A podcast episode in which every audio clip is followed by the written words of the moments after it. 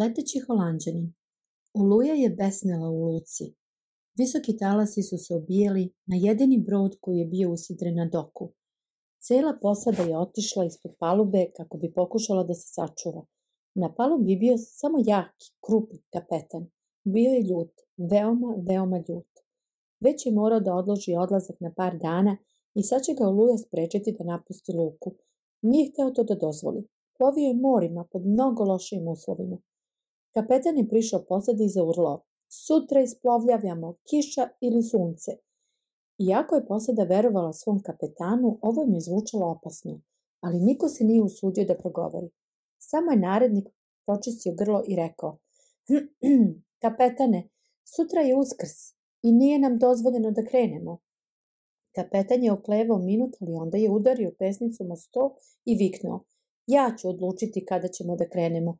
Neće to u moje ime odlučiti nikakva oluja ili uskršnji dan. Poprinite se da sve bude spremno za sutrašnji polazak i povukao se u svoju kabinu psujući. Sledećeg jutra Luja je besnila još više, ali kapetan je bio odlučan u nameri da otplovi. Njegova posuda je sumnjala u ispravnost te odluke, ali je takođe verovala svom kapetanu.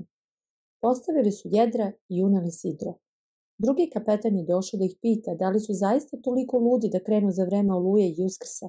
Kapetan je odgovorio, ja odlučujem kada ćemo krenuti i krećemo sada. Čak i ako moramo da plovimo do večnosti, idemo. I time je izgovorena poslednja reč. Čim je izvršeno poslednje naređenje kapetana, dogodilo se nešto čudno. Svi mornari su zanemeli i stajali su čutke kao i narednik i kapetan ali iako se niko nije kretao, brod je krenuo i otplovio iz luke. Ljudi su u luci bili zapanjeni dok su gledali kako brod isplovljava. Poslednje reči kapetana je ponavljala gomila. Čak i ako moramo da plovimo do večnosti, idemo. Bilo je nečeg zlokobnog u ovim rečima i svi su stajali nervozno posmatrajući kako je brod sve manji i manji na horizontu. Odjednom su bela jedra postala vatreno crvena, i trup je izgledao kao da je izgoreo. Brod se potvorio u brod duhova. Šaputali su ljudi jedni drugima dok su se vraćali kući. Dugo se ništa nije čulo o brodu duhova. Nije pristao ni u jednoj luci nije se vratio kući. Dakle, ljudi su samo pretpostavljali da je to bio brodolom, ali olupine broda nikad nisu nađene. Brod duhova je bio zaboravljen dok se nešto čudno nije dogodilo. Brod koji se vraćao za Holandiju sustroje je brod sa vatreno-crvenim jedrima i spaljenim trupom na rtu dobre nade.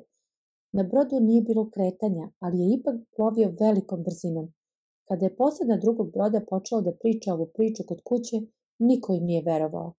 Ali tokom narednih meseci stizalo je sve više izveštaja o ovom čudesnom brodu. Kapitani su se plašali da plove blizu rta dobre nade i posadu je bilo teško pronaći. Sve dok jednog Hrabri kapetan nije izašao da istraži situaciju i zaista na rtu dobre nade vidio je brod duhova. Nije mogao da veruje svojim očima i pokušavao je da ubedi sebe da je to samo mit. Tada je brod duhova počeo da plovi pravo na njega.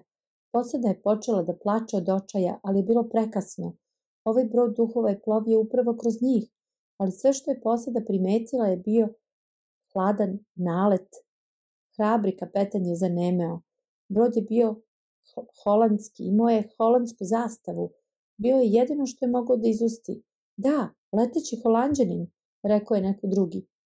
Od tog trenutka brod duhova je bio poznat kao leteći holandjanin.